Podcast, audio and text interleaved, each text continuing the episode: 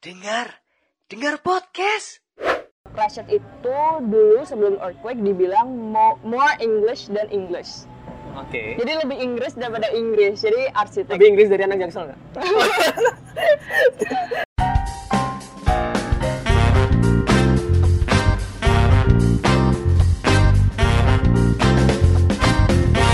Halo pendengar yang baik, baik lagi di konten Temu Dengar. Kali ini saya udah bareng sama temen SMP saya. Waduh. Talina Siriandari. Tepuk tangan dong. Waduh. Apa sih? Nih kita hari ini mau bikin konten konten berapa harga outfit lo? Bukan. Oke, jadi Dinta ini mahasiswi Universitas Gajah Mada, Hubungan Internasional. Terus apa lagi sedang garap skripsi sekarang sibuk apa sih skripsi Skripsi doang sih. skripsi doang Karena tidak boleh mengikuti beberapa kegiatan. saat yang lalu sempat ini ya sempat jalan-jalan berkedok riset Benar, benar sekali. sempat jalan-jalan berkedok dunia, ya. riset uh, ke ke sebuah universitas di New Zealand Ya, benar banget. Jawaban University oke aku udah nge, udah ngelis belasan pertanyaan Aduh. dan pertanyaan pertama yang sangat penting yang ingin aku tanya Ah. kamu di sana cebok pakai tisu atau pakai air Di sana Jawa pakai tisu karena Ah. tidak ada air. Bahkan di apartemen yang kusewa bukan apartemen, it's more like a flat. Itu tidak ada air. Terus ya udah Nggak pakai ada air, tisu. nggak- Masa nggak ada? No, no, no, nggak ada bidet bidet itu Oh, yang iya. buat cebok pakai air. Jadi pakai tisu. Oh, iya iya oke. Tapi udah terbiasa waktu ke sana latihan gitu di rumah Oh karena waktu oh jadi sebelum ke Auckland semester Ah. 7 kan aku sempat ke NUS Ya, National University of Singapore di Singapura itu udah cebok pakai oh iya. Tisu jadi oke lah. Sudah menguasai teknik-tekniknya. Itu udah maksudnya gitu ya jadi nggak ada masalah jadi ada apa nih tips buat temen-temen yang takut bisa kalau keluar negeri ceboknya pakai apa Oke. itu gimana? Jadi a little bit gross Eh, cebok pakai tisu. Kalian bisa masukin tisunya dari depan Oke. atau belakang. Oke. Tapi kalau pup lebih enak dari belakang. Biar pupnya nggak kena. Itu berapa lapis di sini? Biasanya aku berlapis-lapis karena aku tidak mau tanganku kena. Bentar cuci sih. Cuci tangan. Kan selalu ada cuci tangan. Uh, biasanya lebih dari lima lapis. Hah? ya itu. Dan biasanya aku lebih suka cebok di tempat umum eh melakukan hal itu di tempat umum karena kalau di rumah kan boros tisu terus nggak enak sama Oh. teman flat gitu kan. jadi kalau di kampus kan abu amat yang bayar kampus ini jadi bisa banyak. Uh, berarti kamu di di sana di flatmu itu sekamar berapa orang? Sekamar satu orang tapi serumah ada tiga orang. Oh berarti asumsinya kayak kos-kosan mewah gitu? Enggak? Orang mewah juga sih. Is, no, nggak mewah. Biasa aja sih. Enggak maksudnya kalau di sini kayak kos-kosan mewah enggak Hmm, nggak ada AC-nya. Kamar mandinya bareng bertiga. Ada dapurnya. Kayak flat. ya iya iya, begitu iya gitulah. Heeh. kan aku sering ya lihat baca-baca tweetmu atau Oh, update iya. story Twitter is like shit. itu di mana sampah-sampah berkeliaran kamu katanya ini uh, pernah berada dalam fase apa ya insecure terhadap teman-teman flat Teman-teman flat itu insecure-nya tentang memasak. hmm. Jadi, cewek cowok oh, Cewek semua cowok. dua teman flatku adalah cowok oh berarti kamu cewek sendiri sih cewek sendiri Eh, dua teman flatku cowok uh, Dari? race-nya India Ah. dari jadi mereka Indian satu bapak-bapak udah punya keluarga. Satu mahasiswa S3 uh, yang membuat aku insecure dengan mereka adalah mereka memasak lebih oke daripada aku. Oh iya udah. Orang India orang pasti jago masak lah tapi bapak-bapak maksudku I mean mereka hidup di lingkung mereka hidup di negara yang sangat patriarkis. Oh, iya, benar. asumsiku mereka kan menyerahkan semua domestik kepada yang perempuan kan. Heeh. surprisingly mereka bisa masak. Terus kalau masak tuh rapi cepat gitu. Sementara aku hanya masak oseng-oseng memerlukan waktu 3 jam. Like, oh shit. Mungkin setelah kamu masak citra masakan Indonesia langsung turun. Dan aku tidak berani membagikan uh, masakanku pada mereka. Oh makan sendiri? Ah, makan sendiri. Karena aku ti- tidak pede untuk membagikan makananku kepada mereka. Kok tiwas wis bagi. Nah, dia semua kira enak kan sedih. Hanya akan merusak citra makanan Indonesia. Jadi Tapi mereka sering bagi makanan kamu. sering Enak enak. enak. Kari gitu gitu. Kari perata. Setiap orang kalau datang ke tempat baru pasti punya bayangan kayak gimana tempatnya. Hmm, Semacam kamu udah punya belum sih New Zealand di kepalamu Nah, ya. uh, sebelum ke New Zealand? Ya, ya. Dan bayangan sama realitanya sesuai? Oh ya. Jadi sebelum ke New Zealand aku tidak pernah ke benua selain Asia. Oh, iya. Dan bayanganku terhadap New Zealand adalah sebuah negara yang sangat putih. Dalam arti semua orang akan kulit putih. Terus aku aku sebenarnya waktu itu sempat insecure tentang racism. Ntar gimana kok aku terlihat sangat Asia ini terus diejek kayak gitu-gitu kan. Ternyata sampai di sana eh, Auckland ini kota terbesar di New Zealand Mantan ibu kota kalau salah. kayaknya iya deh, I'm not sure. Terus abis itu ternyata di sana banyak Asian-nya, Oh. ada banyak Asian-nya, setelah- dan banyak uh, Maori-Maori itu suku aslinya, jadi kayak aborigin, tapi ini punyanya New Zealand, Mau- namanya Maori. Dan uh, kalau aku bisa bilang mungkin Asianya hampir sama dengan white atau orang kulit putihnya. 50-50 lah jadi. Ya, sort of banyak orang, pokoknya banyak Asiannya. Jadi makanan di sana juga banyak makanan Indian, banyak banyak Chinese food, banyak Japanese food gitu-gitu. So ternyata asumsiku bahwa New Zealand is white, no it's not. Salah. It's- Walaupun benderanya persemakmuran Inggris. Iya, tapi Tidak ternyata seperti itu. Tidak seperti itu, tidak seperti itu. Tidak semengerikan itu. Iya. Stigma orang Indonesia di apa stigma orang New Zealand terhadap orang Indonesia itu kayak gimana sih? Aku jujur tidak pernah bertanya kepada profesorku atau or- orang New Zealand yang ada di sana, tapi mereka nggak ada stigma apa-apa sih. Simply kalau Asian, paling apa sih anak ini rajin banget nih, masa masa Asian Iya iya iya. dan Asian mereka banyak yang Chinese kan, Iya, jadi kayak Chinese India jadi rajin-rajin gitu. tapi aku tidak pernah bertanya itu pada prof ataupun teman New Zealand. Atau mungkin karena saking apa namanya beragamnya jadi udah nggak ada stigma lagi atau gimana atau nggak Bisa. mempermasalahkan itu. mungkin kayak don't ask don't tell. Lebih ke kayak gitu kayak ya udah lah ya masa kalau kita kerja ya udah kerja. Nggak like kita nggak ngomong hal-hal terkait suku ras begitu. Misalnya kalau di Indonesia kan sering banget kan maksudnya? Kayak gue suka apa batak atau apa? pasti kowe mau ini ini. Gue galak apa-apa ngono kan? Ora sih. Cuma lebih ke paling Asian Asian rajin gitu doang sih. Waktu itu profesorku mengejek karena udah akrab banget mengejek asis bukan asistennya sih mantan asisten risetnya mantan koleganya eh, orang Jepang. Dan profku bilang dia tuh rajin banget tau gitu. Tapi karena Asia tapi Indonesian in particular nggak ada berarti makanan nggak ada masalah di sana makanan masalahnya karena mahal doang oh sih iya rata-rata berapa harganya makanya 10 dolar saudara kalau dirupiahin 10 dolar kalau dirupiahin 100 ribu sekali makan. oke itu awal namanya di sini sudah mendapat dua kali makan Itu dua hari dua hari itu makan geprek Hari. 10. Oh, iya. Jadi saya memasak.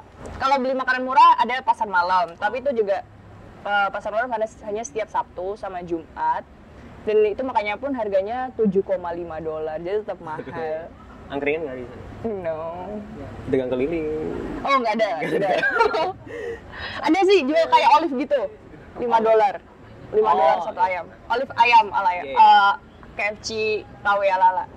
di sana ayam goreng murah di sini mahal iya nggak sih Tapi mahalnya san murahnya sana juga tetap aja sama kayak di sini mahal. tapi kan murahnya sana kalau buat standar taraf di sana Murah. Murah, Ah, ah, ah, murah.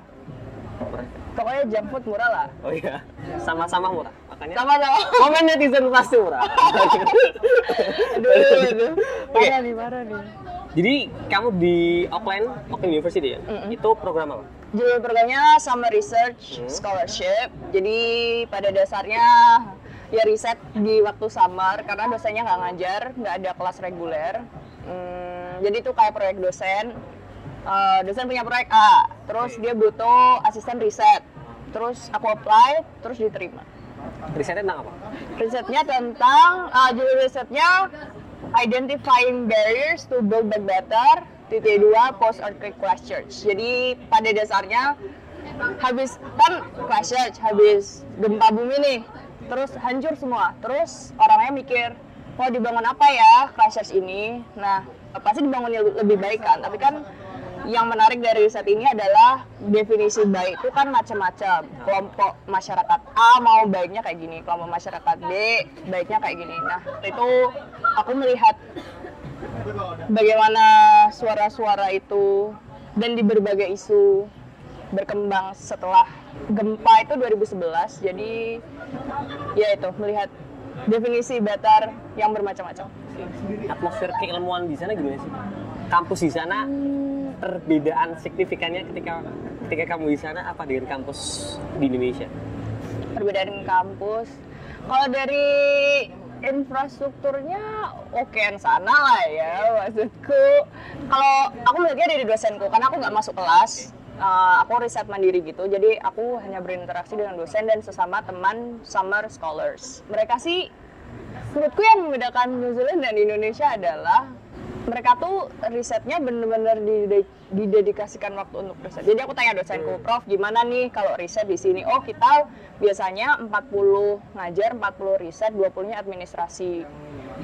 Dan menurutku kalau di uh, kalau di Indonesia, profnya tuh nggak jelas kan. Maksudnya dia masih ngurus administrasi bejibun. Iya, kalau iya, dia riset dia ngajarnya ngaco gitu kan.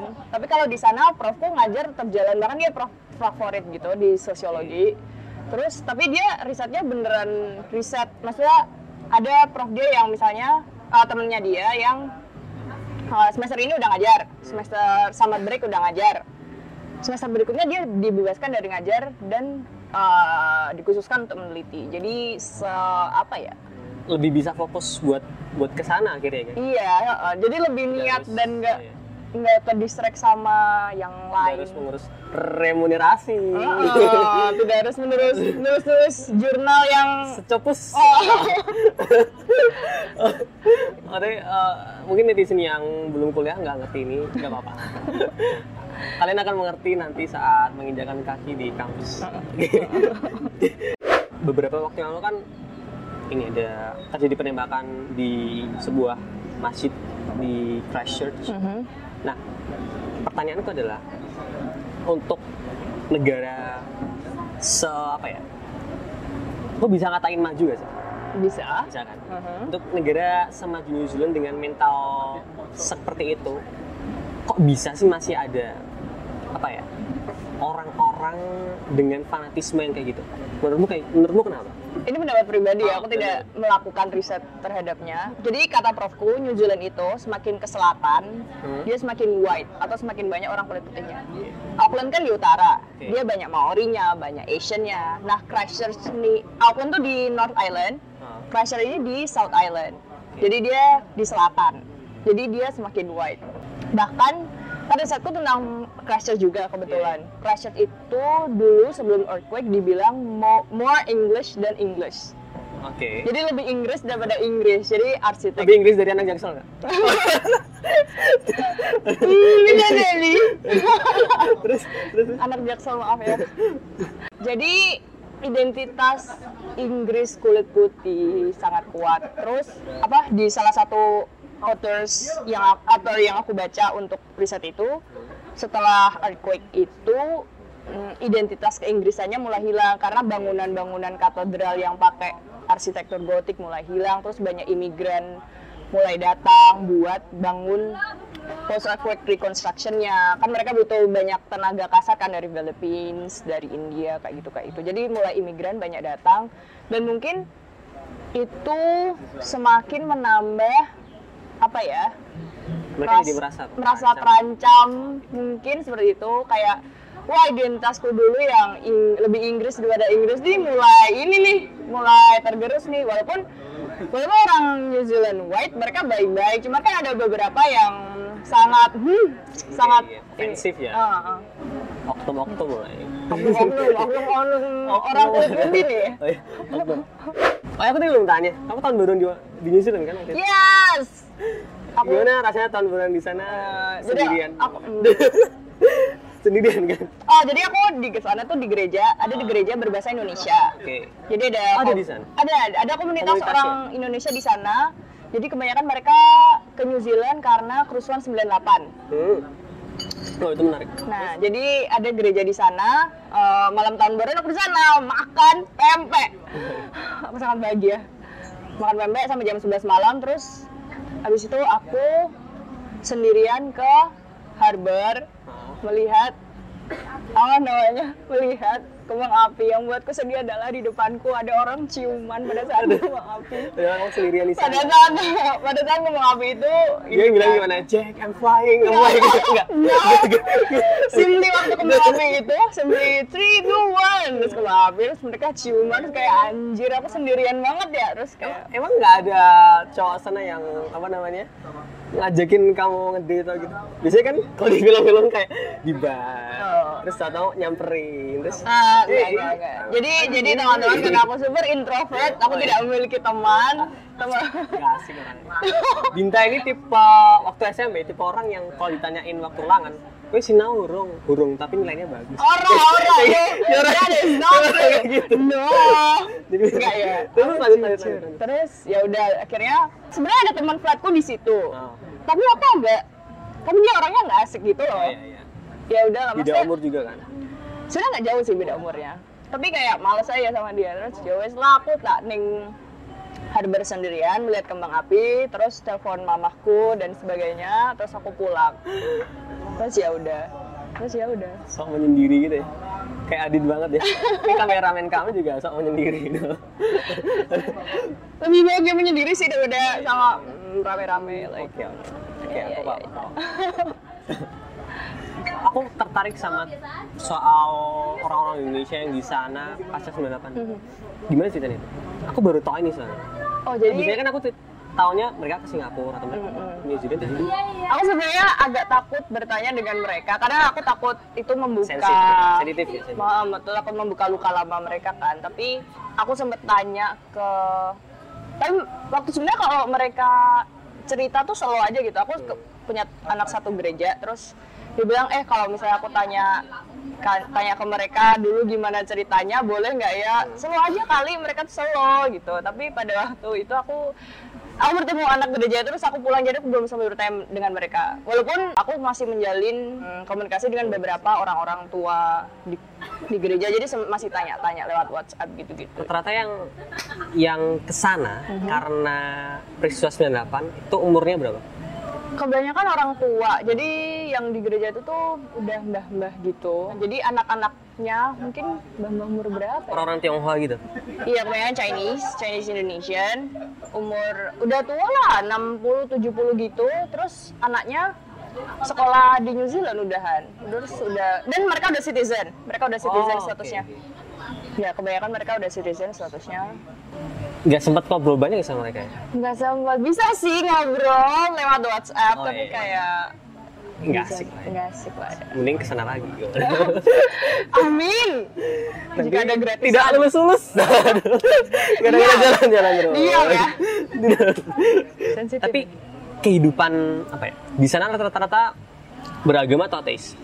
aku tidak sem- aku tidak berani bertanya agama Oh iya. ke Oh, prof tapi ke- memang nggak memunculkan nggak ini nggak memunculkan apa sih simbol-simbol atau atau perilaku-perilaku yang menyimbolkan keagamaan misalkan apa ya masjid gitu adanya keras apa enggak atau Hmm, enggak kalau masjid enggak enggak ada azan aku sempat ketemu sama mahasiswa S3 di Indonesia. Itu masjidnya kayak di dalam kampus jadi kayak enggak masjid bentuk gede yang ada kubahnya Kayak kayak, itu. Mall gitu ya? Iya iya iya iya. Kayak gitu. Lebih kayak gitu sih. Jadi nggak ada azan yang kayak gitu. Terus kalau kalau agama ada satu gereja Anglikan. Aku waktu itu sempat ke gereja itu. Banyak sih orang yang datang. Tapi ya kebanyakan orang-orang tua kalau nggak anak-anak kecil. Oh iya memang. Yang sudah ya itu. Nggak Iya. ngomong. Ini salah ngomong dia waduh Eh, ya gitu. Tapi kalau profku sendiri kayaknya dia tidak mungkin agnostik. Maksudnya dia tidak menyebut nama Tuhan sering gitu. Jadi kalau nyebut ya fisika gitu. Kan dia, ya, kan- dia kan percaya pada fisika berarti kan pasti kan. Nggak mungkin nggak orang yang Iya. ya kan? bukan ya Tuhan tuh ya fisika gitu mungkin. Nah, gimana? Gitu. Nah ya, jokesnya satu agak itu jokes dari teman saya saya nyuri. Aduh, hidupku dikeliling oleh orang kan gak harga mu- harga buku mahal nggak? Harga buku yang paling 60 dolar, 100 dolar. Sama kayak buku di Periplus mungkin. untuk orang sana itu mahal sih? Untuk orang sana kayaknya murah-murah aja deh. Maksudku itu kayak itu sama seperti hampir sama dengan harga baju. Oke.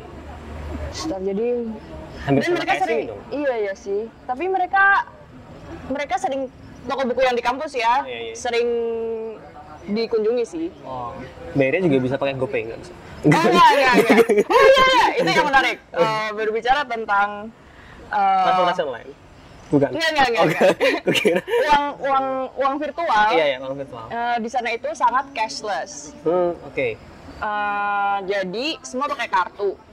Namanya FPOS. Jadi itu pada dasarnya kayak kartu debit biasa, Iya, iya. cuman pakai itu. Kalau waktu itu aku sempat mau ke gereja, terus mau persembahan kan, terus nggak ada uang receh kan, terus aku tanya teman flightku, eh kamu punya uang receh nggak? Terus dompetnya tuh kosong, bener-bener kosong, karena semua, karena emang semua Bukan karena miskin kan? bukan karena miskin, aja biasa aja.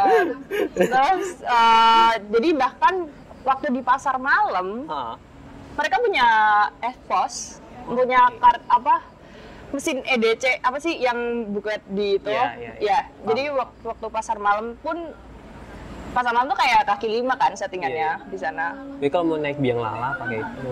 Oh pasar malam tidak ada biang lala. Pasar, Tahu setan nggak ada. pasar malamnya siapa? Lumba-lumba. Di band nanti sama Oh iya environmentalist. benar. Oh cuma makanan di sini. Makanan, makanan. Dan kebanyakan Oh. Asian, jadi isinya dumplings, pad thai.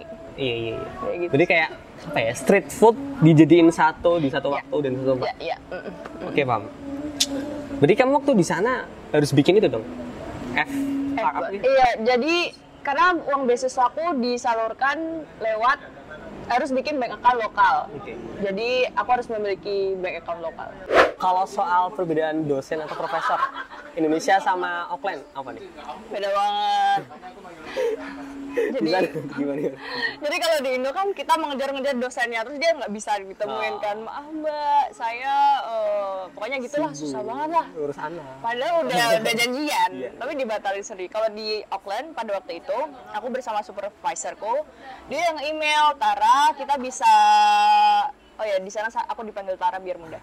Eh, kita bisa meet, catch up nggak hari Selasa jam berapa gitu. Jadi yang mengap, ja- jadi dia mengirim email aku bisa nggak kayak gitu. Aku tidak tahu apakah itu karena aku mahasiswa summer scholars Ah, oke, atau normalnya kayak gitu, tapi kayak gitu. Terus terus kita ketemuan biasanya ketemuan di kafe di dalam kampus terus membahas eh, ngobrol-ngobrol dulu sambil minum teh kopi gitu baru bahas itunya dan bahasnya itu tuh berasa orang disusuk-susuk kayak gitu Oh, ya loh udah udah. Nggak sangat formal, nyantai. gitu kan. nyantai banget nyantai banget terus kayak nyantai banget terus jadi kayak diskusi jadi nyaman gitu loh Iya, diskusinya benar benar benar. dan ini juga terjadi, jadi waktu itu aku pernah eh, bareng sama mahasiswa S3 dia dan emang kayak gitu. Jadi dia Oke. memperlakukan semua orang seperti itu. Ngobrol dulu sambil ngeteh, ngopi, baru bahas. Dan itu santai, dia kayak nggak berasa disusuk-susuk. Oke, santai banget lah pokoknya enak banget buat diskusi. Jadi mungkin outputnya lebih enak gitu loh. Oke. Soalnya kalau teman-teman yang lagi skripsian atau enggak tesis atau disertasi pasti ngerasain kan apa bimbingan sama dosen di Indonesia itu mikir apa ya etika dan mikir penelitian kita tuh kayaknya lebih banyak mikir etika tata lebih krama hal kayak gitu. nggak penting dan uh, beberapa temanku tuh kayak bimbingan tuh lima menit doang Iya, bimbingan bener. apa anjir Bimbingan lima menit janjiannya dua minggu. jadi jadi dua minggu itu udah dibatal-batalin berkali-kali ya kan itu hal yang paling aku syukuri dan wah andai dosen Indonesia semua kayak begini Tapi ini gak sih? Kayak kalau dipikir-pikir ya, misalkan mahasiswa Indonesia digituin malah makin melunjak gak sih? Soalnya kan banyak kan mahasiswa Indonesia itu ngerti nggak sih nggak bener-bener serius mau penelitian atau gimana menurutku eh, aku tidak tahu sih. Aku percaya bahwa kenapa kita tidak serius penelitian. Karena dosennya nggak serius. Oke. jadi kayak dosennya pun tidak menganggap penelitian kita serius. Jadi ah ngapain aku bikin penelitian penelitian serius? Orang nggak dianggap serius gitu kalau di sana kan penelitian tuh bener-bener penelitian bukan kayak tugas kewajiban yang hehe gitu loh. Iya iya jadi kayak nggak tahu sih menurutku dosen berperan penting untuk menganggap penelitianmu jadi penting. Jadi kalau dia disebut co-writer tuh layak banget gitu ya? Iya! Nggak di sini Iya, bener. cuma biar lu menit eh, numpang nama. Iya bener banget, bener banget cuy, bener banget. Setuju banget Untungnya saya sudah lulus, jadi saya bisa berkuar-kuar seperti ini. Aduh, maaf dosen pembimbing saya, semoga tidak menemukan video ini.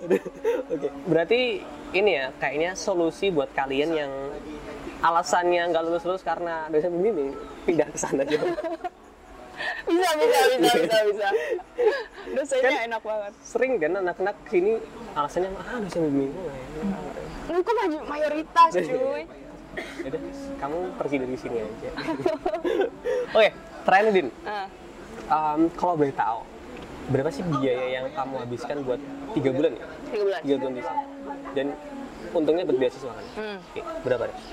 Eh, Termasuk visa, termasuk beli laptop karena laptopku yang lama bego Termasuk pesawat Aku dapat beasiswa 6000 Aku kembali dengan US dollar. No, Ayo, boy. New Zealand New Zealand dollar. dollar, sorry, sorry. Satu New Zealand dollar sepuluh ribu ya sekitar sepuluh ribu rupiah sekitar itu. Eh, aku kembali dengan saving 500 dolar. Masih untung kan? Masih untung, bisa nabung, alhamdulillah. Buat nabung buat apa? Buat jalan-jalan lagi. Enggak, enggak, enggak, enggak. Nabung buat persiapan S2. Oh, oke. Karena kayaknya orang-orang kayak kamu nih nggak kebelet nikah ya, jadi Oh, nggak no. Bahkan sempat berpikiran untuk tidak menikah. Sama sih tuh ada? Ah, makasih banget udah mau mampir di Temu Dengar. Terima kasih sekali juga Eh, sudah kalian boleh nggak dibagi Instagram atau Twittermu? Oke, Biar boleh. sampah-sampahmu dibaca banyak orang. Ntar kami kita ini ya kita taruh di bawah Ya. di deskripsi. Ya. Makasih banget buat pendengar yang baik udah dengerin temu dengar episode kali ini. Jangan lupa komen, like, dan subscribe untuk dukung channel kami. 拜。